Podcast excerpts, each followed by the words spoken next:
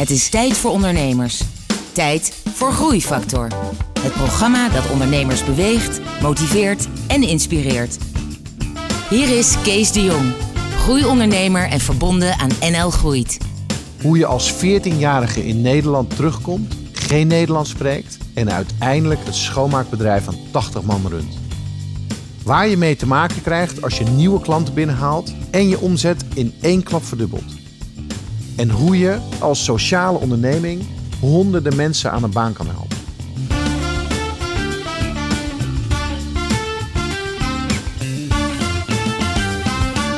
Hallo en welkom bij een nieuwe aflevering van Groeifactor. Het programma dat ondernemers beweegt, motiveert en inspireert. Met een openhartig gesprek, bij mij hier vandaag op de bank, is dat Lemia El Younouchi. Dat zeg ik goed? Heel goed. Oké. Welkom eh, Lemia. Jij bent van eh, de Schone Zaak. Uh, dat is een schoonmaakbedrijf. Je hebt 75 man uh, in dienst, plus nog eens een keer vier op kantoor. Uh, snel gegroeid. Je hebt allerlei prijzen ook gekregen volgens mij. kan je iets meer uitleggen over wat de Schone Zaak verder precies is? Schone Zaak is, zoals je net al zei, een, een schoonmaakbedrijf, maar niet zomaar een schoonmaakbedrijf. het doel binnen de organisatie is dat wij de mensen die wij aannemen eigenlijk binnen drie jaar omscholen. Dus dat houdt in dat uh, men begint als schoonmaker. Alleen na drie jaar uh, wellicht een, uh, in de catering terecht kan komen of bij een technische afdeling. Um, dus veelal buiten de schoonmaak scholen, we, scholen wij onze mensen om. Oké. Okay. Maar het is wel een bedrijf? Of, ja. of, ben je meer een opleidingsinstituut? Nee, zeker niet. We zijn gewoon een schoonmaakbedrijf. Ja. De core business is schoonmaak. Alleen, ik ben wel het schoonmaakbedrijf begonnen met de filosofie uh, van het doorstromen van de mensen die op dit moment een bepaalde afstand hebben tot de arbeidsmarkt. En uh, met bepaalde afstand tot de arbeidsmarkt houdt eigenlijk simpelweg in dat ze of nooit hebben gewerkt, of al heel lang niet werken en moeite hebben om weer terug te komen in de samenleving. Ja, en, en daarmee zeg maar, denk ik dat je een hele waardevolle rol vervult uh, binnen nou, ja, binnen is, de maatschappij. En in Rotterdam hè, zit je met ja, name. correct. In Rotterdam. Nou, het is met name dat ik ook heel vaak uh, sollicitanten over de vloer heb... die eigenlijk aangeven dat ze al maanden op zoek zijn. Alleen dat ze nergens de kans of de mogelijkheid krijgen. En uh, 9 van de 10 keer is het door het gat wat ze hebben in hun cv... maar ook door de taal, taalbarrière die velen hebben. Nou, we gaan het straks daar nog uitgebreid over hebben. Maar eerst wil ik het over jou hebben. Mm -hmm. uh, want jij komt ook niet uit Nederland. Op je veertiende kwam je in Nederland. Ja, nou, ik ben wel in Nederland geboren. Ja. Alleen, uh, ja, na zes maanden ben ik, uh, ben ik weer teruggegaan naar Marokko. En veertien jaar later weer teruggekomen in, in, Nederland. Ja, maar je sprak geen Nederlands, nee, aan. Nee, totaal niet. En op mijn twintigste nog steeds niet. Nee? Nee, nee. Hoe, hoe, ging dat dan? Nou, rond mijn twintigste uh, sprak ik wel Nederlands, maar nog enorm gebrekkig. En met een enorm zwaar accent ook. Ja. En toen kwam ik, uh, kwam ik iemand uh, tegen.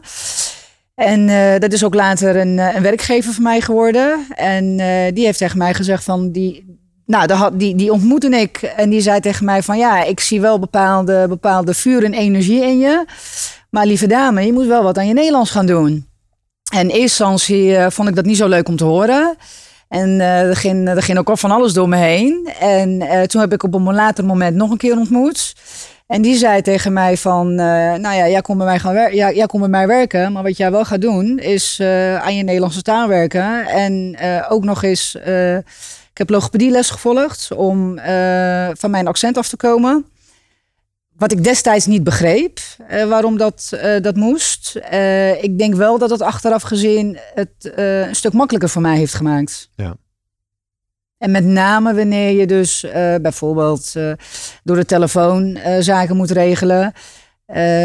ja, dat het gewoon allemaal een stuk makkelijker gaat. Wat, wat, wat was het voor een, voor een man, werkgever? Ja. Wat, wat, wat voor, voor bedrijf had hij? Nou, hij had een, uh, had een verzekeringsbedrijf in, uh, in Driebergen. En uh, het, was, het was een hele sociale, sociale man. Ik denk ook wel dat hij iets had met, met culturen. Hij reisde enorm veel. Um, en toen hij mij tegenkwam, zat ik, zat, ik, ja, zat ik in een moment in mijn leven dat ik eigenlijk gewoon niet wist wat ik wilde, wat ik moest doen. ik had mijn MAVO met, met moeite afgerond.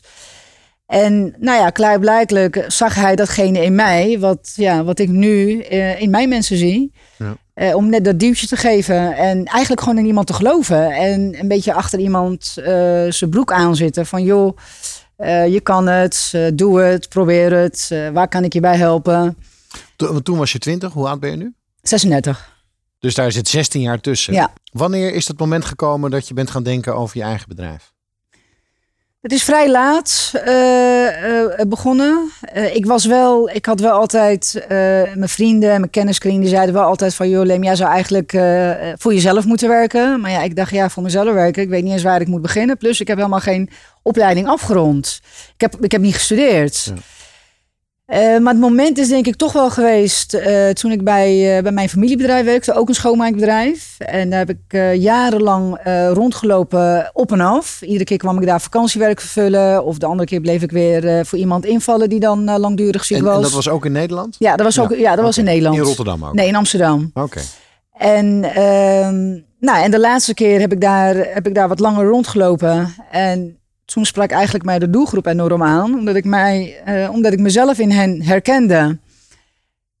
En, ja, en op een dag dacht ik van waarom ga ik eigenlijk niet eh, eh, datgene doen wat... of met, met een doelgroep werken. Ik, ik was sowieso altijd wel een beetje sociaal. Of niet een beetje, ik was altijd heel sociaal en maatschappelijk op mijn manier. Maar ik had er nooit van gedacht om daar mijn werk van te maken. En dat ook nog eens te combineren met ondernemerschap. Daarover gesproken eh, met het familiebedrijf. En, eh, ja, en die begrepen wel dat ik, hè, dat ik daarover aan het nadenken, nadenken ben geslagen. En toen is het eigenlijk ja, op de een op de andere dag eh, is het bedrijf ontstaan. En, en dat is, je, je bedacht een naam, je ging naar de Kamer van Koophandel, je schreef je in. En ik wist nog niet waar ik beginnen moest. ja. Maar dat is wel een, een hele stoere actie. Ja, achteraf, eh, achteraf, gezien, eh, achteraf gezien wel. En eh, ik zou dat moment ook nooit meer willen terug, terugdraaien. Het is ook het beste wat ik, wat ik heb gedaan. Mhm. Ehm, maar dat neemt niet weg dat ik de afgelopen zeven jaar heel veel heb moeten leren. Want, want je was 29 toen Ja. je dat deed. Ja.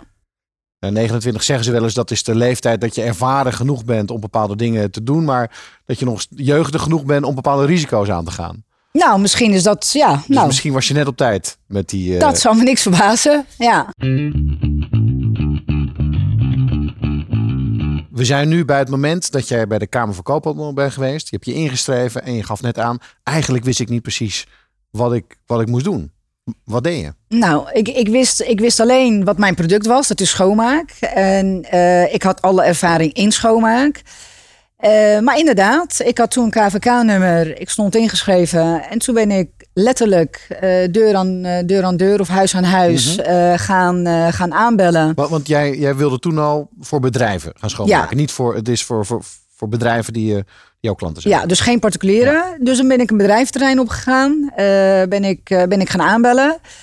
Nou, uiteraard deed iedereen open, want het waren bedrijven. Eh, niet iedereen liet me, liet me binnen, zeker nog. Ik denk eigenlijk de eerste maand niemand. Eh, ik kon wel eh, mijn gegevens achterlaten. En ik denk dat het ongeveer twee maanden of tweeënhalve maand heeft geduurd. Ondertussen overigens had ik me wel aangemeld bij netwerkborrels. Dus ik was wel begonnen aan het fenomeen netwerken, relaties opdoen. Maar toen werd ik teruggebeld door een, eh, door een bedrijf. eh, ehm, die ik dus in die eerste maand eh, had, ja, had geprobeerd eh, nou ja, te benaderen. En die zei, joh, spreek ik met Lemja? Jij stond een paar maanden geleden voor de deur. Zo wat met je, met je voet tussen de deur.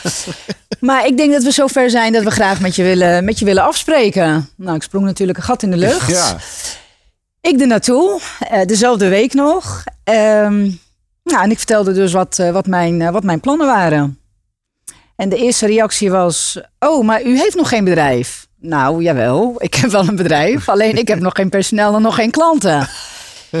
Oh, maar eh, u weet wel hoe, die, hoe het schoongemaakt moet worden. Ik zeg, daar hoeft u geen zorgen over te maken, want ik heb, ik heb een achterband. Plus, ik heb heel lang in de schoonmaak, in de schoonmaak gezeten.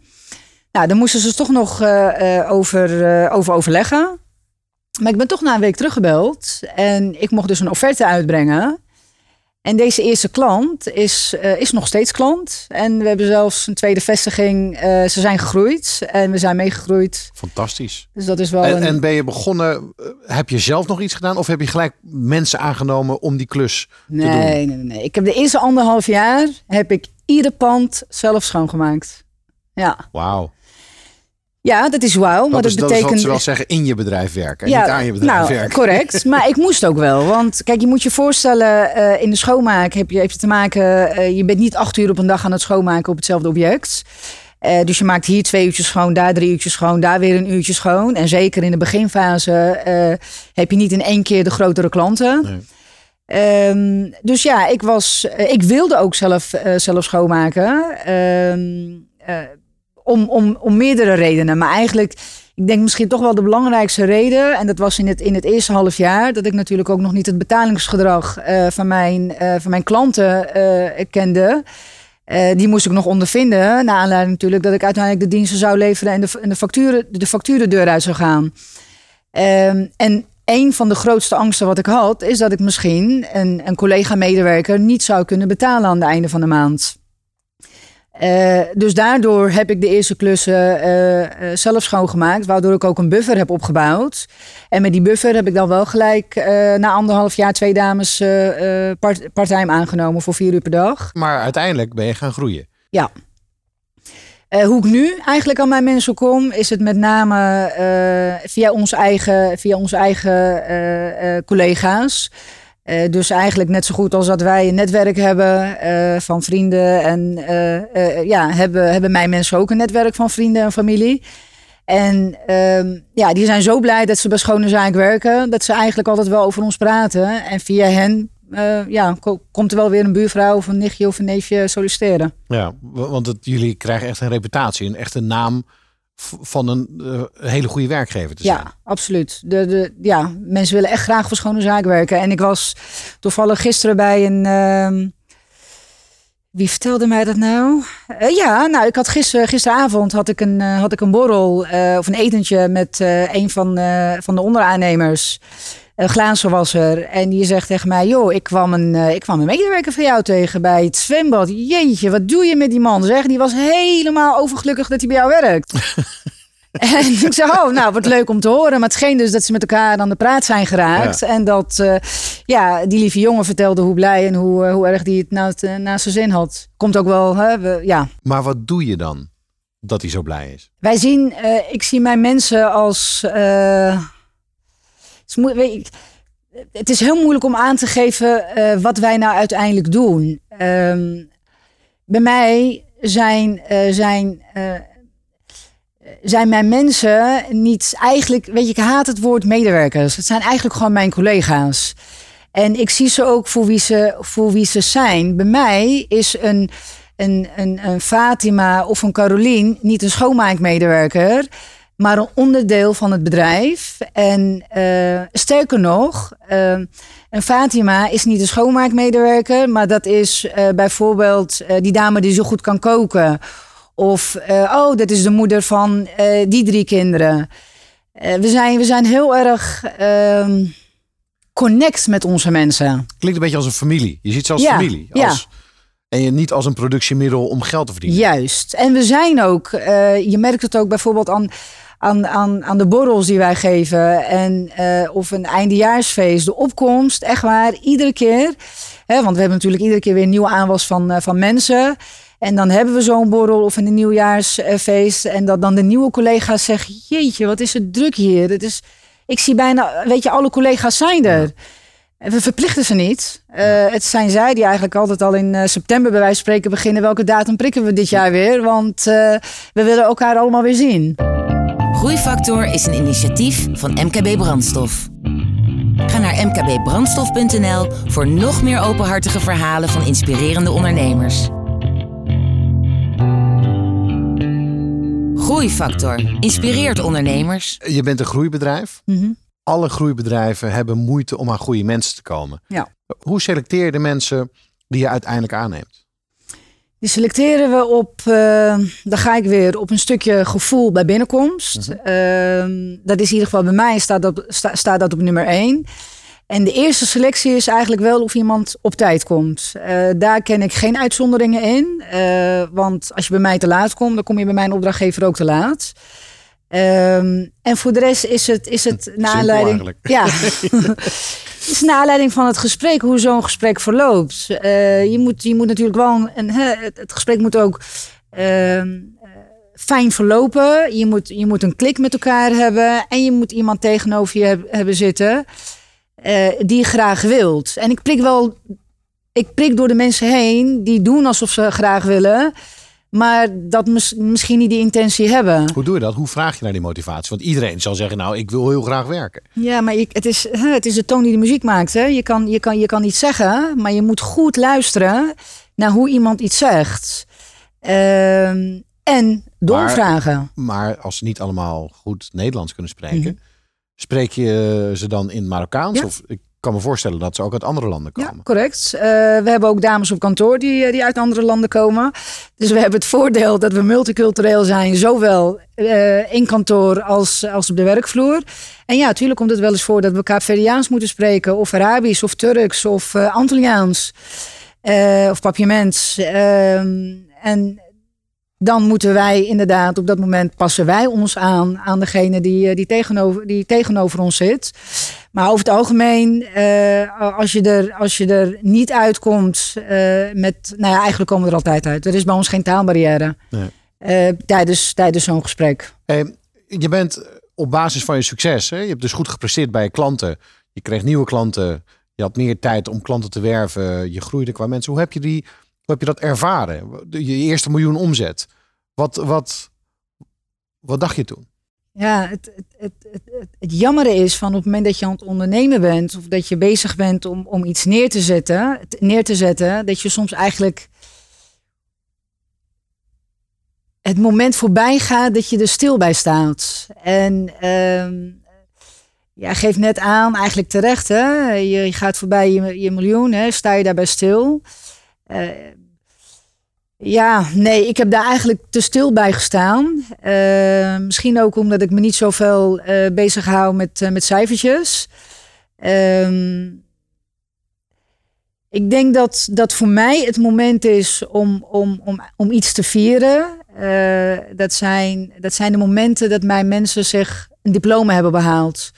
Of een, een nieuwe doorschone zaak bij een nieuwe opdrachtgever terechtgekomen buiten, buiten, de buiten de schoonmaak om. Dat zijn voor ons de momenten dat wij vieren en, eh, en dat delen met de rest van de organisatie om die dus weer te motiveren van kijk, je collega die stroomt uit na drie jaar, eh, hè, naar een andere baan buiten de schoonmaak om.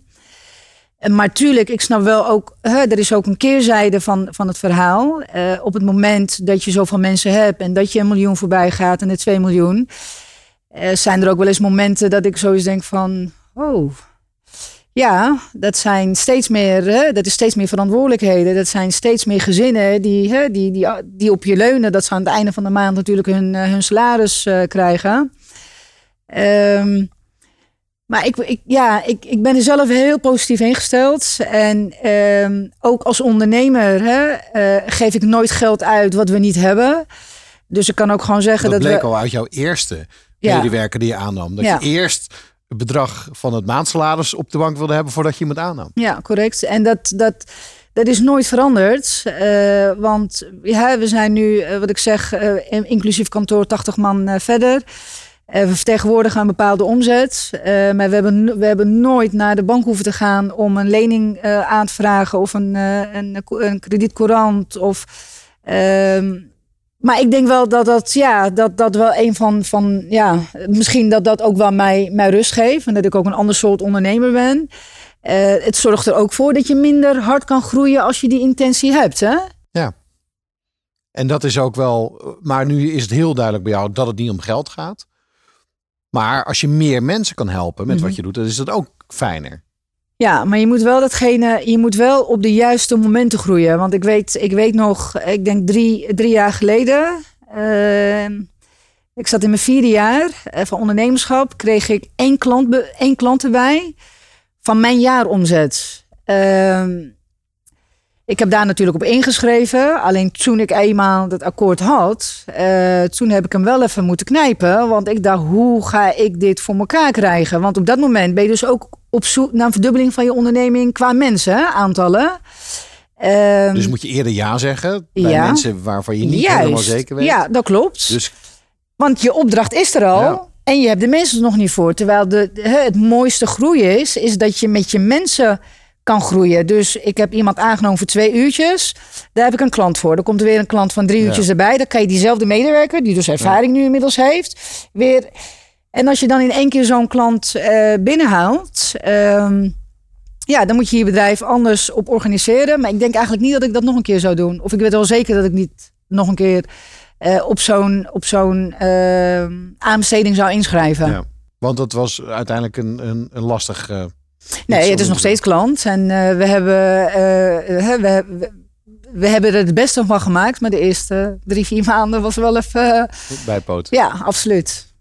Eh, ik wil het hebben met je over eh, tegenslagen. Want niks gaat vanzelf. Ja, tuurlijk. Eh, we- nou ja, tegenslagen. Ja, tegenslagen eh, die dan nu bij mij eh, naar boven komt drijven. Is ik heb een aantal eh faillissementen eh, meegemaakt van opdrachtgevers. En wat mij keer op keer heeft verbaasd.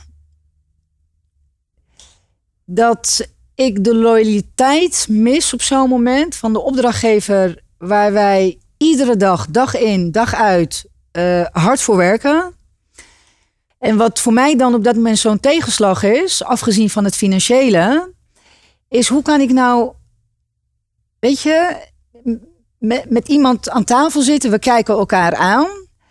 En jij zegt tegen mij dat er niks aan de hand is. En eigenlijk smeek je mij of ik je niet in de steek wil laten. Het kantoor moet schoon, eh, moet, moet, moet schoon blijven. En eh, vooral eh, twee daarvan waren kinderdagverblijven. Kreeg, het ook, kreeg, ik het ook, kreeg ik het ook nog niet eens over mijn hart om dus niet schoon te maken vanwege de kinderen. Ja.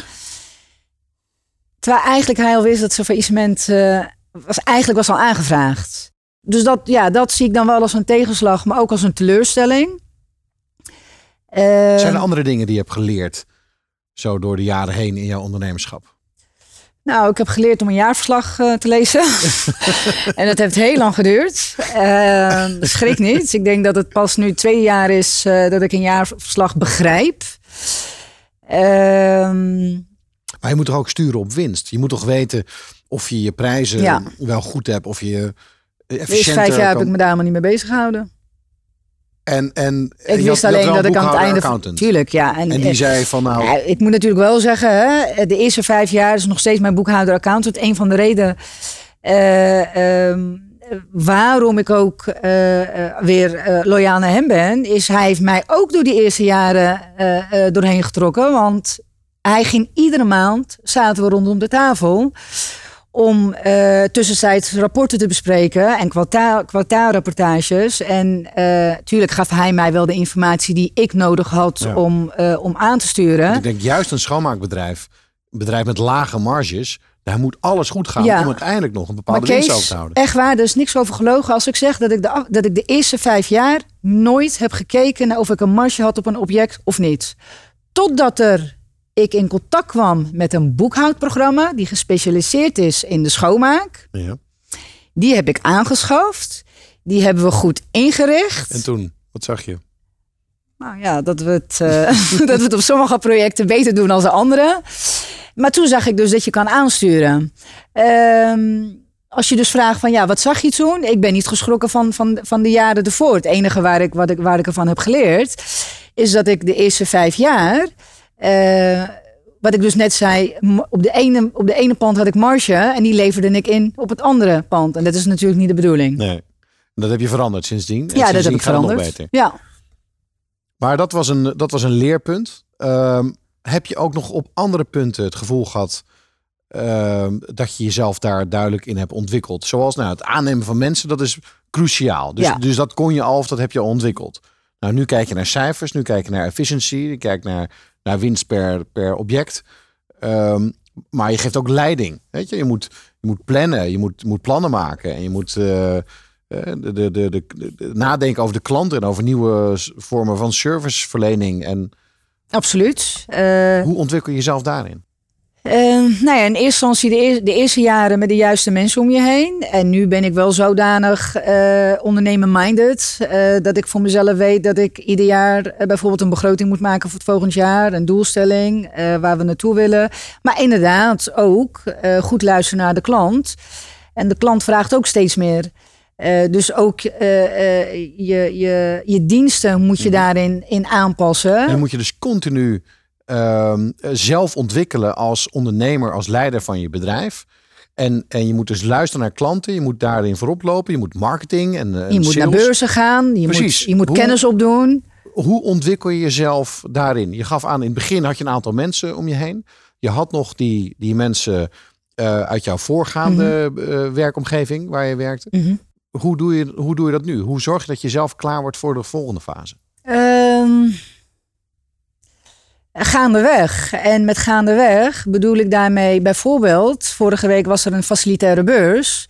Uh, nou, daar ga ik dan naartoe. En dan uh, ontdek ik, of op dat moment worden er weer nieuwe, nieuwe producten gelanceerd, of betere machines, of uh, diensten waarmee je je mensen bijvoorbeeld nog meer kan, kan aansturen.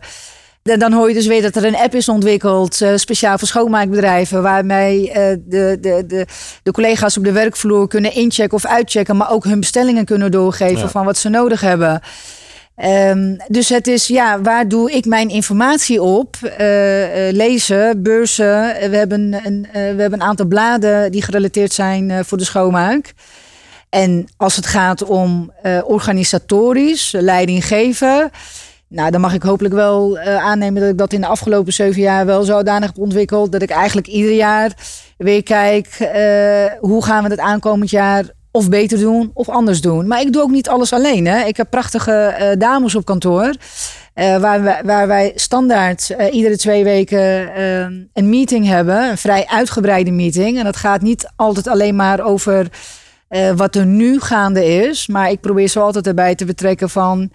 Um, ze werken, sommigen die werken al vanaf het begin, sommigen zijn ergens midden ingestapt, maar ze zijn wel echt de basis. Hè? We zijn wel echt een team. Uh, dat zij ook aan bod komen van hoe zij, uh, hoe zij dingen veranderd zouden willen hebben. Ja. Heb je andere, heb je andere ondernemers of ondernemers als rolmodel? Heb je bepaalde ja, zeker. Absoluut. Uh, er is het schoonmaakbedrijf waar ik, waar ik toch wel uh, mijn bedrijf aan te danken heb. In die zin dat ik dus uh, het bedrijf als achterban uh, nodig heb gehad de eerste jaren. maar ook uit de ervaring die ik bij haar heb opgedaan in het schoonmaakbedrijf. Dat is een, een Amsterdam schoonmaakbedrijf. dat is zeker wel een rolmodel. Dat is ook een Marokkaanse dame. Ja, die haar bedrijf nu inmiddels uh, 24, 25 jaar heeft. Uh, die heeft ook hele mooie mensen werken. Maar dat is ook, ja, dat is wel een voorbeeld. Onderneemster, vrouwelijke onderneemster. Ja. Uh, ook nog eens in dezelfde branche. Ik vroeg je net naar je toekomstplannen, je, je ambitie. we hebben al eerder vastgesteld dat eigenlijk het bouwen van een groot schoonmaakbedrijf is niet echt jouw ambitie. Jouw ambitie is zoveel mogelijk mensen zich te laten ontwikkelen. En um, op het gebied van taal en carrière en eigenlijk in hun leven.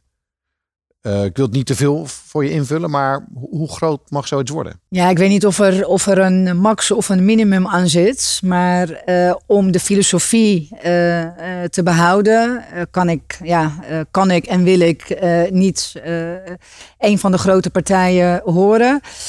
Maar als je mij zou vragen, wat zou mijn ambitie zijn? Ik denk dat mijn ambitie zou zijn dat ik ieder jaar uh, een kleine honderd man mag laten uitstromen in het Rotterdamse uh, met een diploma op zak. En werkervaring en, en een baangarantie elders. En, en dat diploma is dan vanuit jouw organisatie of vanuit? Nee, niet vanuit mijn organisatie. Als men bij mij komt werken, -hmm. uh, die gaan uiteraard gewoon gelijk schoonmaken, alleen niet fulltime.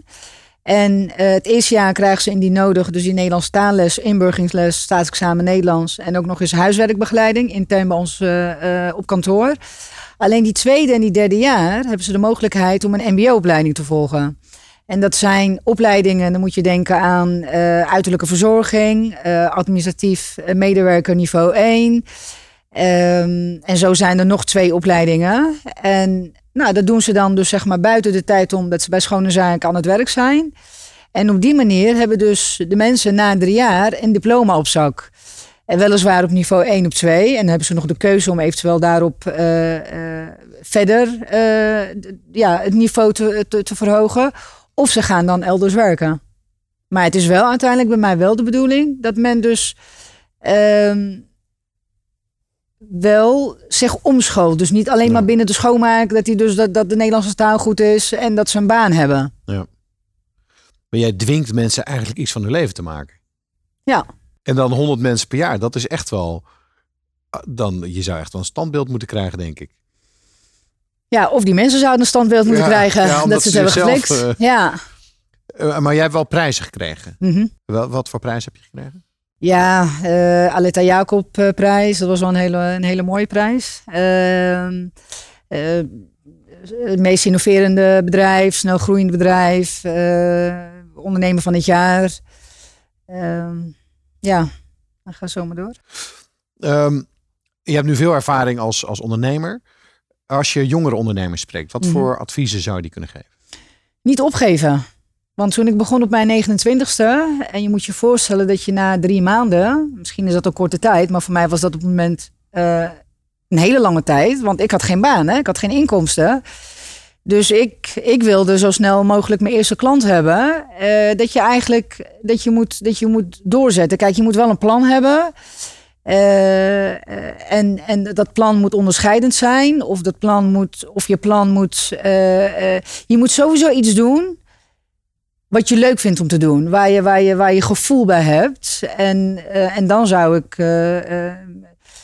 wat, hè, wat tegen mij ook is gezegd, is niet opgeven, doorzetten. En zelfs wanneer de tweede klant wat langer duurt en de derde klant, dat, je, dat je gewoon in je verhaal blijft geloven en, en doorzet. Ja, want dat vind ik wel bijzonder, dat jij inderdaad op die deur bent gaan kloppen. Hè, wat je net zelf beschreef, met je voet tussen de deur bijna. Ja. Ehm, maar daar heb je ook wel lef voor nodig. Ja, maar ja, wat kan er gebeuren? Iemand kan zeggen, ik heb geen interesse. Ja. En ja, en er hebben misschien wel honderd of misschien wel 200 mensen gezegd dat ze geen interesse hadden. Maar diegenen die wel interesse hebben, die hebben wel ertoe geleid dat ik mijn bedrijf kon starten. En die hebben, de, die hebben ook, hè, naar aanleiding van, van, van de goede diensten, dat ze tevreden zijn, hebben zij ook weer uh, uh, nieuwe klanten uh, aangeworven of als ja. lead gegeven. Maar ja, je moet niet verlegen zijn. Ja. Nee, maar dat is denk ik met... met, met Anders moet je ook geen ondernemer worden. Met, maar ja, eerste les. Mm -hmm. Doorzetten. Ja. Trouwens, over doorzetten. Ja. Even een tussenvraag. Heb jij wel eens gedacht van nou, nu geef ik het op. Dit is gewoon nu te veel tegenslag. Of te, ik zie het niet meer zitten. Of mijn klanten zijn failliet gegaan, wat je net noemde. Nee, maar na, na, ik heb dat in de afgelopen jaren niet gehad. Maar uh, na het eerste jaar had ik wel zoiets van, ja, als, als, als, als er niet iets gaat veranderen, dan is dit niet, uh, hier kan ik geen onderneming uh, mee, mee opbouwen. Wat veranderde toen? misschien dat ik weer die, weer die energie kreeg. dat ik zoiets had van, ja, Lem, weet je nog waarom je bent begonnen? Je hebt een bepaald doel en ja, geef het niet op. Hè? Je, moet, je moet ook, je moet, misschien klinkt het heel achterlijk wat ik nu ga zeggen, maar je moet ook, soms ook gewoon letterlijk in de spiegel durven te kijken en met jezelf praten. Mm -hmm. En tegen jezelf zeggen van kom op, weet je Lem, kom op. Je kan het, ga ervoor. Doorzetten. En, en doorzetten. Ja. En tuurlijk is dat moeilijk. Eh, Kees, tuurlijk zijn er momenten dat je, dat je dat je het even niet ziet zitten. Maar kijk dan naar, ook naar, kijk op zo'n moment naar de dingen die je wel energie geven. En of denk terug aan waarom je het hebt opgezet. Of denk aan de mensen die je al in dienst hebt, die ja. je niet kan laten, laten zitten. Oké, okay, dit vind ik hele goede adviezen. Weet je, ga terug naar de reden waarom je überhaupt dat bedrijf bent gestart. En probeer die energie weer te vinden. Ja. En doorzetten. We gaan weer naar les nummer twee. Uh, ja, les nummer twee is begin geen uh, bedrijf uh, omdat je denkt dat je daar veel geld in kan verdienen. Nee. Begin iets waar je affiniteit mee hebt. Waar je verstand van hebt. Of waar je gevoel mee hebt. Of misschien wel iets waar je jezelf in wil ontwikkelen. Of verder wil ontwikkelen. Maar wel iets wat dichtbij je staat. Ja. Nou, dat lijkt me een mooie eindtip. Um, ik vond het een heel bijzonder gesprek. Want je bent eigenlijk de eerste ondernemer die zo uh, die ik spreek, die, die zo enorm begeisterd is met het doel om andere mensen te helpen.